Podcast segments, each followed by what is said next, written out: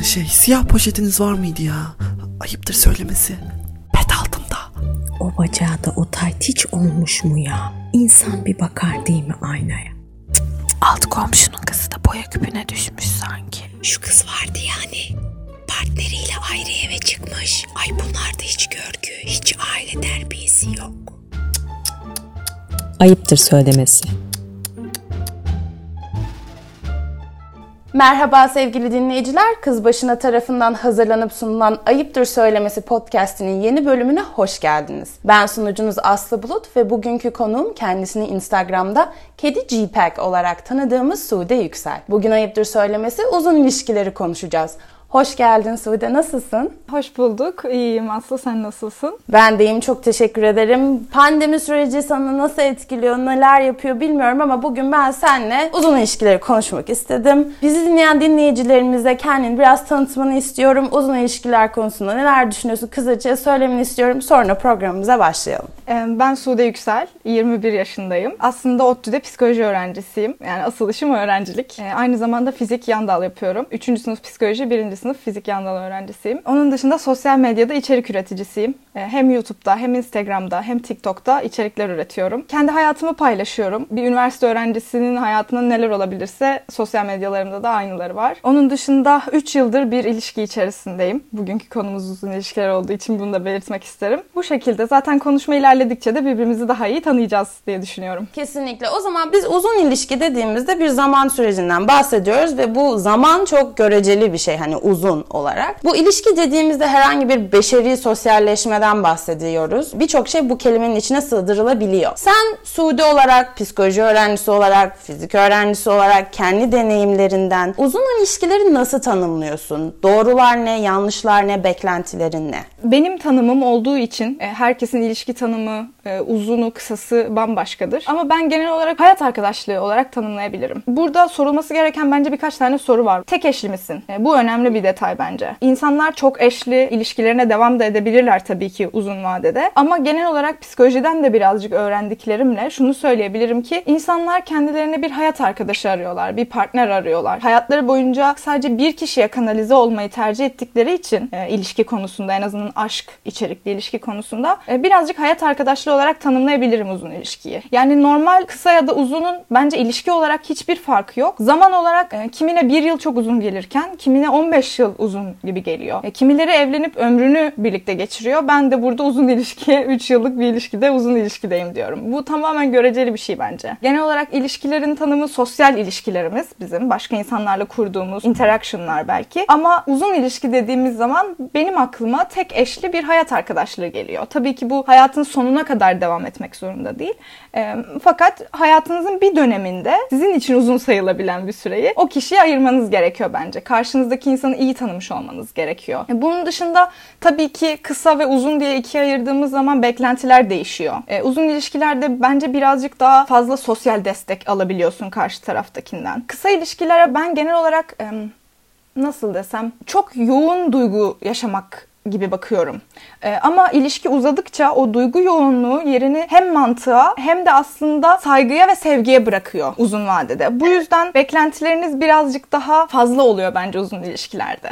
Yani sadece birbirinizi sevmenizin ya da birbirinize saygı duymanızın ya da birlikte cinsellik yaşamanızın ötesinde hayat olarak da karşınızdakinden bir beklentiniz oluyor. Birlikte planlar yapıyorsunuz. Ee, belki hayatınızın bir dönemini birlikte yaşamak için hareket ediyorsunuz. Buna uygun kararlar alıyorsunuz. Birlikte karar alıyorsunuz. Uzun ilişkilerin bence kısa ilişkilerden en büyük farkı birlikte karar alma. İletişim uzun ilişkide zamanla kuvvetleniyor. Yani ortak kararlar almaya başlıyorsun, ortak bir ağızdan konuşuyorsun, düşüncelerin daha ortak oluyor, birbirine birazcık benzemeye başlıyorsun. Yani ilişki uzadıkça aslında diğer ilişkilerden ayırt eden noktası belki de en önemlisi bu oluyor diye düşünüyoruz. Ben de sana katılıyorum. Kendi yaşadığım uzun ilişkilerde de en çok hani önemsediğim şey zaman içerisinde birbirimizin beklentilerini anlıyor muyuz? Bunları karşılıyor muyuz? Birbirimize sınır koyuyor muyuz? Bu bence ilişkiyi de uzun kılan bir şey. Hani karşılıklı diyalog halinde olmak.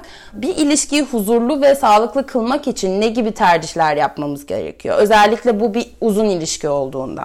Sen kısaca uzun ilişkinin sırrını soruyorsun. Aynen bence. öyle. Çünkü yani aldığın kararlar seni uzun ilişkiye götürüyor. Bir kere öncelikle her daim, her alanda, her bakış açısında e, karşılıklı saygı duymak gerekiyor. Bu saygı sadece işte giyimine, davranışlarına değil hayattaki genel olarak büyük kararlarına dahi saygı duymayı gerektiriyor bence. E, bir noktada ilişki bitecekse bile ona da saygı duymayı gerektiriyor. Ve e, bunun dışında yapılabilecek en sağlıklı şey anı düşünmek. Şimdi uzun ilişkilerde genel olarak bir insanla uzun ilişkide olmayı planlıyorsan eğer pek anı düşünmüyorsun. Sonrasında ne olacağını düşünüyorsun. Hele ki o toplum baskısından gelen evlilik kavramı var ya o evlilik kavramına ulaşmak için anı yaşayamıyorsun. Bence uzun ilişkide olmanın en büyük sırrı anı yaşamak ve bireyi o anda tanımaya çalışmak. Sürekli iletişim kuruyorsunuz, sürekli bir karar alıyorsunuz ve zaman içerisinde bu kararları e, şunu söylemeye başlıyorsunuz kendi kendinize. E, Hı, böyle biriymiş demek ki. Çünkü anda kaldığın zaman, anlık kararları değerlendirdiğin zaman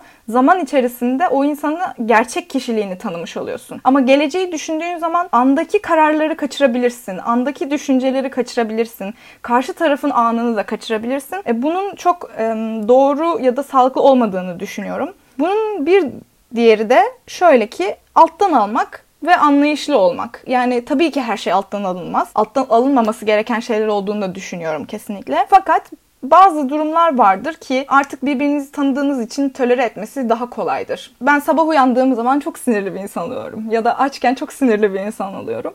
E, Berkay artık bunu bildiği için benle iletişim kurmuyor o sıralarda. Yani artık alttan almanın ötesinde tamam Sude böyle bir insan demek ki bu bu sıralarda bu saatlerde onunla iletişim kurmayacağız deyip köşesine çekiliyor. E, zamanla böyle kararlar almaya başlıyorsun. Yani iletişim kurup onu kavga etmek yerine birazcık daha sakin kalıp karşı tarafın sakinleşmesini bekliyorsun. Ya evet çok güzel bir şey söyledin ya. Ben de katılıyorum bu konuda sana. Çünkü insan olarak hepimizin artı ve eksi yanları var karanlık yanlarımız var. Mesela benim de partnerim e, şeyi çok iyi biliyor. Kendi vakit geçirmeye ben çok önem veriyorum yani tek başıma. Ve bu alanı bana tanımasını talep ediyorum. Bu konuda mesela aynı fikirde olmasa bile dediğin gibi her gün benle olmayı seçtiği için ben onunla olmayı seçtiğim için bizim için uymasa bile bazı alanlar tanıyoruz. Evet bu çok sağlıklı kılıyor ilişkiyi. Ben de bu konuda seninle aynı fikirdeyim. Eğer bu alanı tanımazsak e, başka insanlara aynı zamanda flört şiddetine sebep olduğunu düşünüyorum ben. Hani flört şiddeti dediğimizde dinleyicilerimize bir ufak tanım yapalım. Hani neredesin, ne yapıyorsun, kimle geziyorsun sürekli bir raporlama hali, sürekli bir ne yapıyorsun hali. Bu bence ilişkiyi çok yıpratan bir şey. En azından benim için. Hani sen ne düşünüyorsun bu konuda? Karşı tarafa artık rapor vermeye başladığınız düşündüğünüz nokta sağlıklı bir ilişki olmuyor zaten. Açık olmak ve dürüst olmak lazım. Mesela az önce çok güzel bir noktaya parmak bastım bence. Yalnız başına vakit geçirmek istiyorsun. Bu senin en doğal hakkın ve bunu açık ve dürüst bir şekilde karşı tarafa söylüyorsun. Bu iletişim çok önemli. Uzun ilişkinin sırrı evet saygı bence en başta ama dürüstlük de bence ikinci sırada geliyor. Yani açık bir şekilde düşüncelerini söylemen gerekiyor. Şimdi her zaman bilinçli olarak flört şiddeti yapmayabilir taraflardan bir tanesi.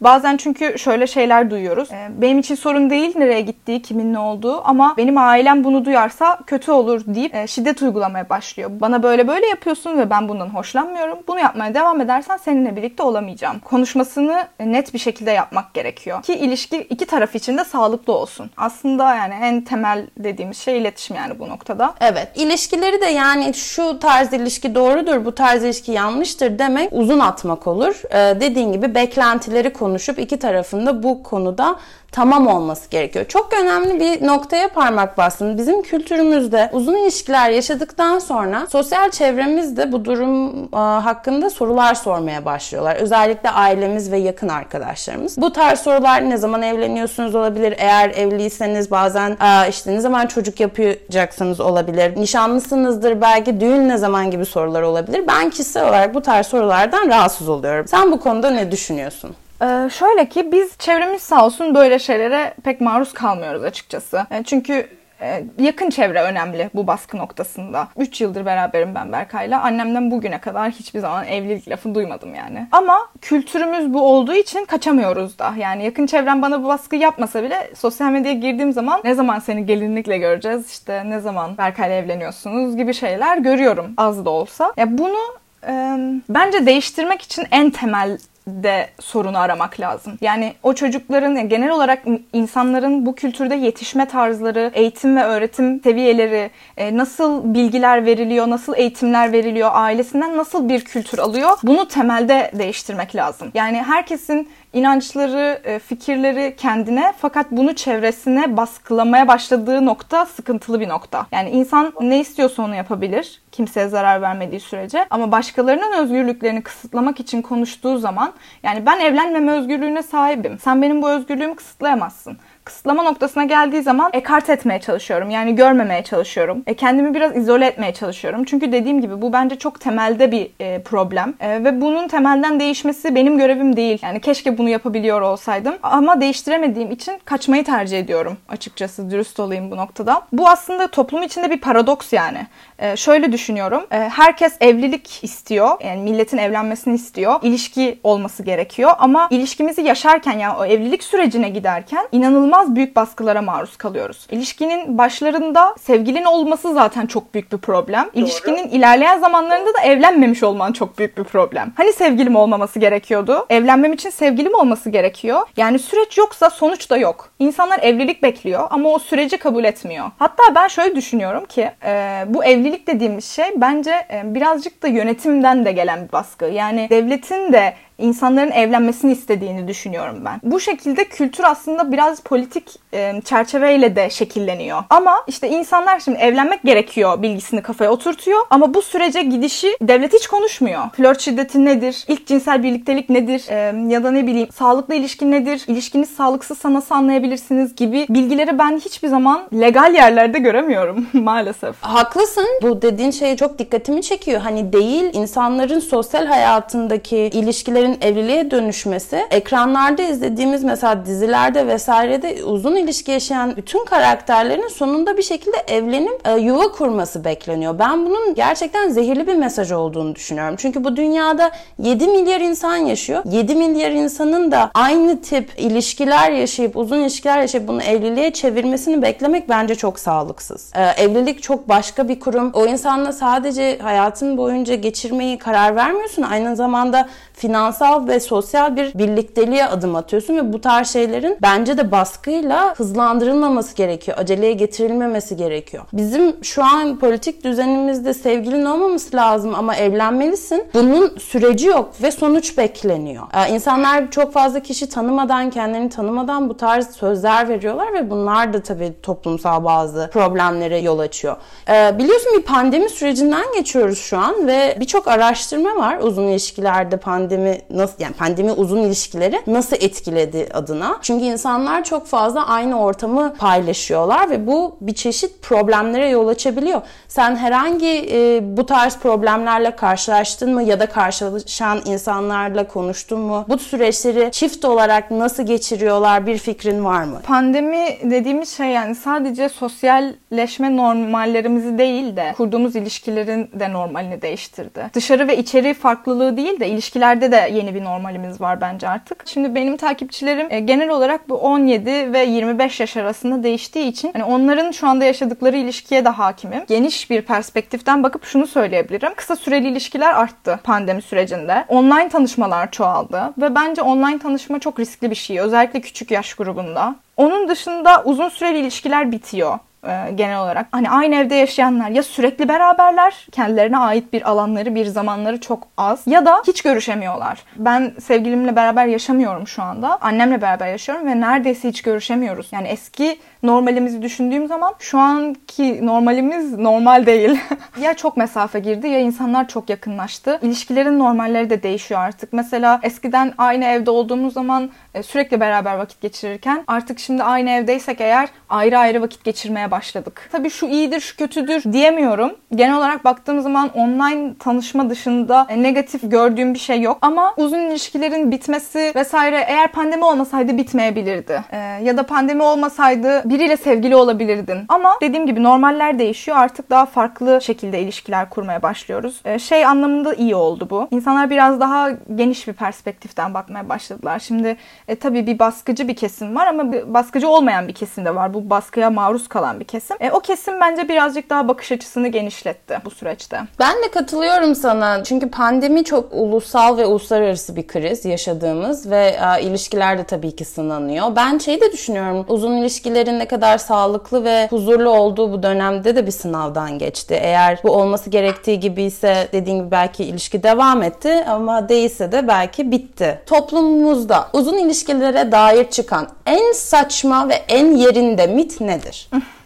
Ya ben bunu çok düşündüm biliyor musun? Sonuç olarak şöyle bir karar aldım. Ee, bence yerinde mit yoktur. Bütün mitler çok gereksiz çünkü hepsinin, bütün ilişkilerin kendine ait dinamikleri var. Yani benim için bir mit çok yerindeyse başkası için olmayabilir. Şöyle düşünüyorum. Mesela annem bana hep şey der. işte çok görüşme tez ayrılık getirir. Bu ben, benim için çok büyük bir mittir bu arada. Ee, çoğu ilişkimde bunu yaşıyorum. Çok görüştüğüm insanlarla çabuk aram bozuluyor. Ama Berkay'la bunu hiç yaşamadım. İlişkinin başında 7-24 beraber olduğum bir insandı ve onu daha iyi tanıdığımı düşünüyorum açıkçası mesela şu anda. O yüzden her ilişkinin dinamiği farklı olduğu için bana doğru gelen bir şey başkalarına doğru gelmeyebilir bu konularda. Aynı sözü benim annem de söyler bu arada çok enteresan. Fazla görüşmek tez ayrılık getirir diye. Doğru doğru yani hani demek ki o jenerasyonun çok söylediği bir şey bu. Uzun ilişkilerde. Kendine dair ne öğrendin, neyi keşfettin? Şimdi ben bireysel değerlendirmek istiyorum bu durumu. Hmm, Çünkü ben ilişki konusunda çok bağımlı bir insanımdır. Yani ilişkim olsun isterim. Hayatımda bir sevgili faktörü e, her zaman olsun isterim. Nasıl desem? Kendimi eksik hissediyorum böyle. Belki çocukluk travmalarımdan kaynaklı olabilir. Sadece karakterim böyle olabilir. Hiç bilmiyorum gerçekten. Ama benim hayatımda ilişki çok büyük bir yer kaplıyor. Hal böyle olunca da Şimdi uzun süre biriyle beraber olduğun zaman ilişkiye kafa yormayı azaltıyorsun. Çünkü karşı tarafı daha iyi tanımaya başladığın zaman o paranoyalar, ilişkinin başındaki düşünceler e, ve işte birbirini tanımamandan kaynaklı gelen sorunlar, problemler azaldığı için kendine odaklanabiliyorsun. İlişkinin içindeki senle ilişkisiz sen bence farklı insanlar da olabilir. Ama ilişkinin içindeyken aşk konusunu ya da cinselliği nasıl bir ilişki kuruyorsan artık onu düşünmeden kendi içine, kendi düşüncelerine odaklandığın zaman bence insan kendini çok e, geliştiriyor. Yani eğer ki hayatınızda ilişki çok büyük bir yer kaplamıyorsa ki benim çevremdeki bütün insanlar neredeyse böyle. Bende mi bir tuhaflık var bilmiyorum. Ama e, ilişkinin sabit kalıp, o kişinin sabit kalıp işte bununla flörtleştim, konuştum, şu yazdı, şu yazmadı tarzında düşüncelerle boğuşmadığınız zaman dediğim gibi kendinize daha çok odaklanabiliyorsunuz. Beni en çok geliştiren şey şu oldu. Karşılıklı birbirinizi pozitif yönde etkilemeniz gerekiyor bence. Yani kültür olarak da, bilgi olarak da, bakış açısı olarak da birbirinizin ufkunuzu genişletip birbirinizi yükseltmeniz gerekiyor diye düşünüyorum uzun ilişkilerde özellikle. Yoksa bir noktadan sonra toksik bir ilişkiye bağlayabiliyor bu durum. Benim hayatım değişti. Çünkü bana çok enteresan bakış açıları kattı hayata dair. E, düşünmem gereken, kendimle alakalı. Hiç bugüne kadar dönüp bakmadığım özelliklere bak Sude bunu yapıyorsun. Hani yapmasan daha mutlu olursun dediği zamanlar oldu. E, bu noktada kendimi çok geliştirdim. Bir de ee, insanlara, ilişkilere bakış açım çok değişti. Eskiden bir ilişkin bittiği zaman hüngür kıyamet ağlarken ya da işte bunu çok e, büyük bir e, problem haline getirirken hayatımı etkileyecek, hayatımdaki fonksiyonlarımı e, engelleyecek noktaya getirirken şu anda hiç öyle bakmıyorum gerçekten. Çok daha sakinim, çok daha mantıklı bakıyorum. Aşkın, sevginin, ilişkinin ne demek olduğunu gördüğün zaman seçim yapmak daha kolay oluyor zaten. Ben de hep böyle kendi hayatımda uzun ilişkiler yaşamış bir insanım. Senin gibi insanla uzun bir süreyi paylaşmayı tercih ediyorum. Bazı noktalarda yürümedi. Ama şunu fark ediyorum. Her bir yeni ilişkim başladığında neyi istemediğimi çok iyi biliyorum. Ve bunu yüksek sesle talep ediyorum. Bazı yeni tanıştığım insanlar için bu işe yaramıyor ve bu beni bir çeşit koruma kalkanına alıyor. Çünkü belli ki biz bu işi yürütemeyeceğiz o kişiyle. Ama bunu da çekici bulan başka insanlara da yer açmış oluyor hayatımda bu kalkan.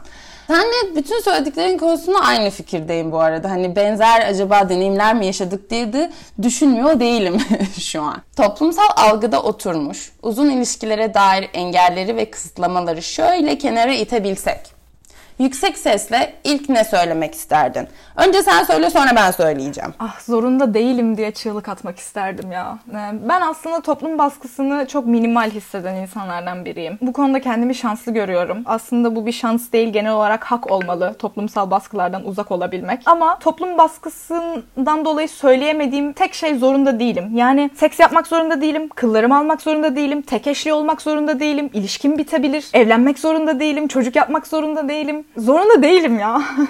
bir tanıma oturttuğunuz zaman kendinizi insanlar sizden o tanıma dair eşleştirdikleri şeyleri yapmanızı bekliyor. Ve bu beni şok ediyor. İnanamıyorum gerçekten. Hani bir insan başka bir insanın kıllarıyla alakalı, cinsel hayatıyla alakalı nasıl bir şey söyleyebilir? Bunu hiç anlamıyorum. O yüzden zorunda değilim arkadaşlar diye bağırmak isterdim galiba. Çok haklısın. Ben de seninle aynı fikirdeyim bu konuda ve şunu söylemek istiyorum.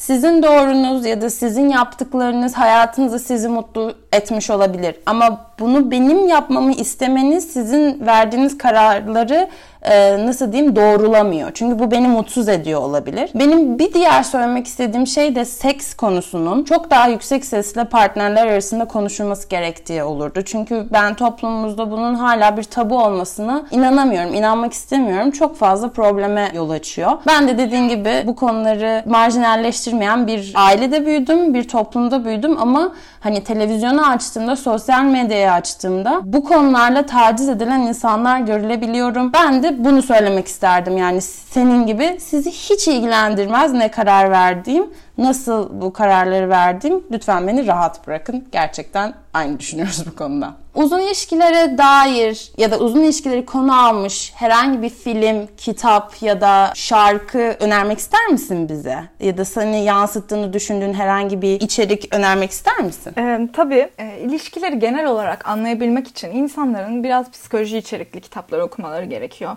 Şimdi ben bir psikoloji öğrencisi olduğum için ilişkilere psikolojinin farklı alanlarından nasıl bakmam gerektiğini biliyorum. Hayatınız boyunca kurduğunuz ilişkileri, çocukluğunuzda yaşadığınız travmalar, annenizin babanızın size davranışları etkileyebilecekken beyninizin çalışma yöntemi de etkileyebiliyor. Yani nasıl kararlar veriyorsunuz acaba? Ya da verdiğiniz kararlar geçmişinizde yaşadığınız bir şeylere mi bağlı? E, çünkü ben en çok bunu görüyorum. Gerçekten e, Freud'un bu kadar popüler olmasının psikoloji alanında en büyük sebeplenen bir tanesi bu bence. Çünkü ilerideki ilişki, yani hayatımızın ileriki zamanlarındaki ilişkileri biz çocukluğumuza ve ergenliğimize bağlı olarak kuruyoruz. Ama neyin sebep olduğunu bilmiyoruz. Seçimlerimizi neye göre yapıyoruz? Mesela eski Sude'yi değerlendirdiğim zaman her zaman kötü çocuklara aşık olan, işte birilerinin peşinde koşan, e, babam tarafından terk edildiğim için bu duyguyu hissediyorum. Psikolojiyi okudukça aslında bu kararları nasıl aldığımı ve beynimin nasıl bana aslında bir noktada oyun oynadığını görebiliyorum. O yüzden psikoloji içerikli e, şeyler okumalarını tavsiye ederim. Bir kitap önermem gerekirse yazarını hatırlamıyorum ama iletişim yayınlarının Aşık Olmak isimli bir kitabı var. Sevgililerimizi neye göre seçerizi psikolojik bir noktada anlatıyor. Ben o kitabı çok beğeniyorum gerçekten. Hem nörolojik bir seviyede anlatıyor hem de davranışsal bir seviyede anlatıyor.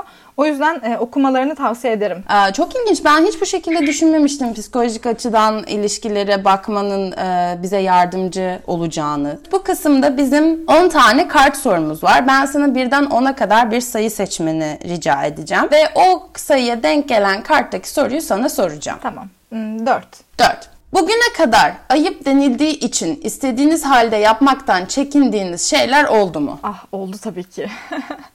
Olmaz mı? O kadar çok şey var ki. Ya işte baskıdan maalesef bu yüzden nefret ediyorum. Yani yapmak istediğim bir şeyi neden toplum yüzünden yapamıyorum? Bu aşırı üzücü bir şey ya. Ve çok bastırılan duyguları bence temsil ediyor ve ileriki zamanda sağlıklı bir şekilde beyni çalışmayan insanların ki olabilir yani bu çok normal. E, yaşadığımız her şey beynimizin çalışma yöntemini etkiliyor ama e, ileriki zamanda çok bastırılmış duygulardan doğan şiddeti bence getirebilir bu tarz durumlar. Yani biz daha bilinçli ve daha sağlıklı insanlarız ama toplumun hepsine baktığımız zaman böyle insanlar göremiyoruz. Erkek arkadaşımla daha rahat fotoğraf paylaşabilmek isterdim galiba. Kendi kendime yaptığım daha seksi davranışlar daha normal karşılanırken toplumda sevgilimle beraberken yaptıklarım çok anormal ya da ayıp gibi karşılanıyor. Ben ilişkimin sorunlarını da açabilmek isterdim. Şimdi benim aslında YouTube kanalımın felsefesi şudur. E, ben sizinle burada hayatımı paylaşıyorum.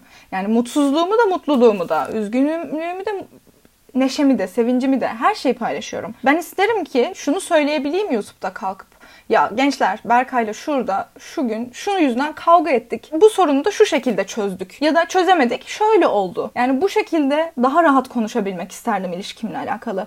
Ama uzun bir ilişkide olduğunuz zaman bence en büyük baskı şey mükemmel olmalı o ilişki. Kesinlikle gerçekçi değil. Yani bu gerçekçi olmayışın da bu baskının şeyden kaynaklandığını düşünüyorum. Kültürden ve yönetimdeki baskıdan. Şimdi sosyal medya ve televizyon medyası diye bir kapışma var yani hayatımızda. Sosyal medya bence çoğunlukla Amerikan kültürünü veren etkileyen ya da başka daha uluslararası bir şekilde e, bizi etkileyen bir alan. Ama televizyonda gördüğümüz şeyler sadece Türk kültürünü yansıttığı için ki o da bence çarpık bir şekilde yansıtıyor. O yüzden sosyal medyada 7-24 mutlu insanlar görüyoruz. Bu gerçek değil. Bunun gerçek olması mümkün değil. Çünkü sadece mutlu anlarımızı paylaşıyoruz. Bunu çok iyi anlıyorum. Tabii ki insan mutsuzluğunu neden paylaşıp başkalarını da mutsuz etsin. Ama bunun bir noktada da ben paylaştığım zaman absürt olmaması gerekiyor. Doğru, doğru. Çünkü sorunlar, mutsuzluk, tartışma ya da anlaşmazlık hem insan olmanın bir parçası hem de uzun ilişkinin bir parçası. Sen psikolog öğrencisi olarak da defalarca söyledin ve hani bundan bahsettin. Kesinlikle katılıyorum sana. Yani ben mesela aynı soruyu kendime sorduğumda ne yapmak isterdim diye yabancı bir ülkede yaşıyorum şu an ve partnerimle aynı evde yaşıyorum. Daha doğrusu birlikte taşınmak için belli adımlar atıyoruz. Aile büyüklerime bu konuyu açabilmek isterim mesela. Hani bunu nasıl karşılayacaklarına dair hiçbir fikrim yok. Yakın çevrem, annem, babam bu konuda bir sıkıntı yaşamıyorlar ama aynı rahatlıkla mesela kuzenlerimle de konuşmak isterim. Sana göre ayıp olan ne söylemek istersin? Ah seks yapıyorum. Ayıptır söylemesi seks yapıyorum arkadaşlar. Uzun ilişkim var ve düzenli bir seks hayatım var. Evet doğru. Seks pozitifiz yani. Ben de sana bu konuda katılıyorum. Bu bilgiyi alıp ne yaparsanız yapın da diyebiliriz.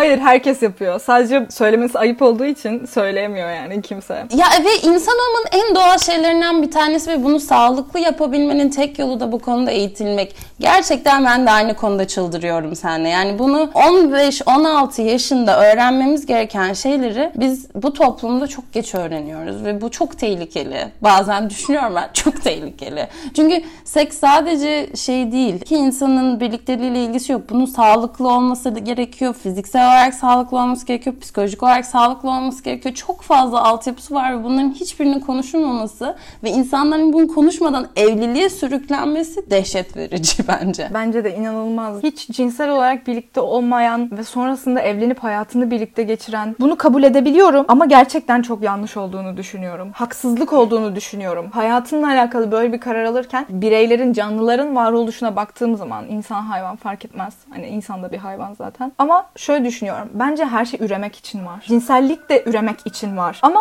biz bunu evrimleştiriyoruz. Yani para kazanıyoruz bence yine üremek için. Çünkü soyumuzu devam ettirmemiz gerekiyor. Bütün dünyadaki canlıların genlerine yazılmış bir şey bu. Üreyeceksin ve soyunu devam ettireceksin. Ama artık böyle bir dünyada yaşamıyoruz. İnsanın hele ki bu kadar çok baskın olduğu bir noktada bence artık insanların biraz sakinleşmesi gerekiyor bu üreme konusunda. Cinsellik sadece üremek için olmadığı için bunu kabul etmek gerekiyor. Uzun ilişkilerde çiftlerin seksten beklentileri konuşuluyor mu? Bu konuşma ne sıklıkla oluyor?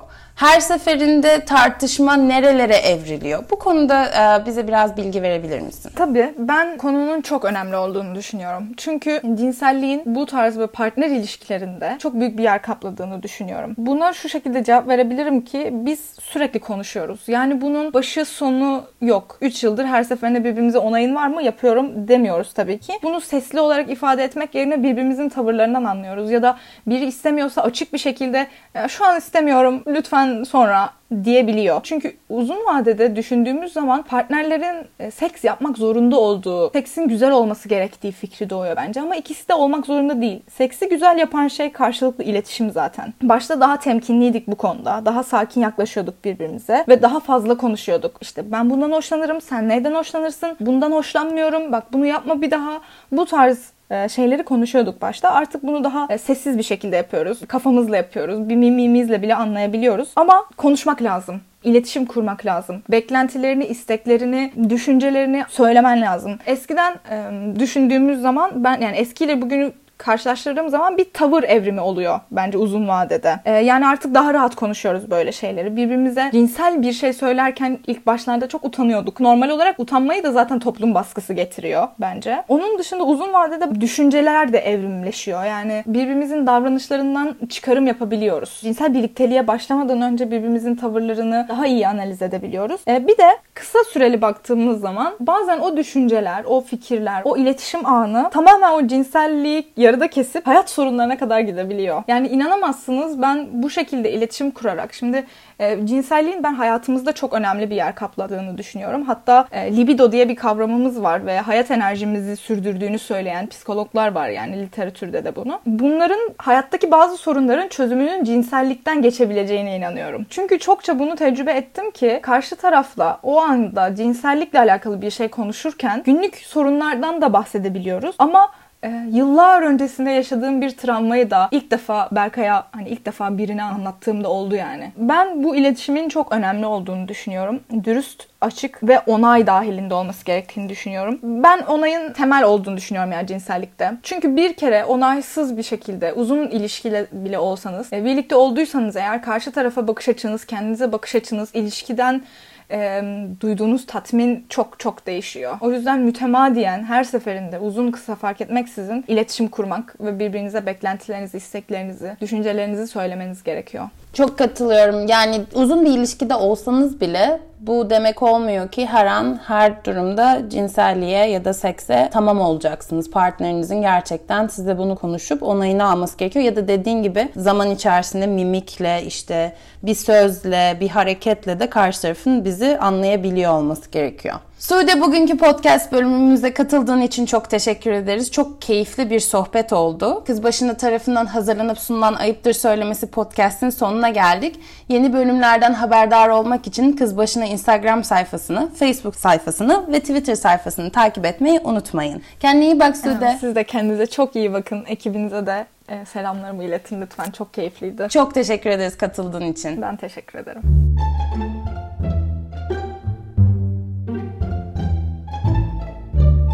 Ayıptır söylemesi.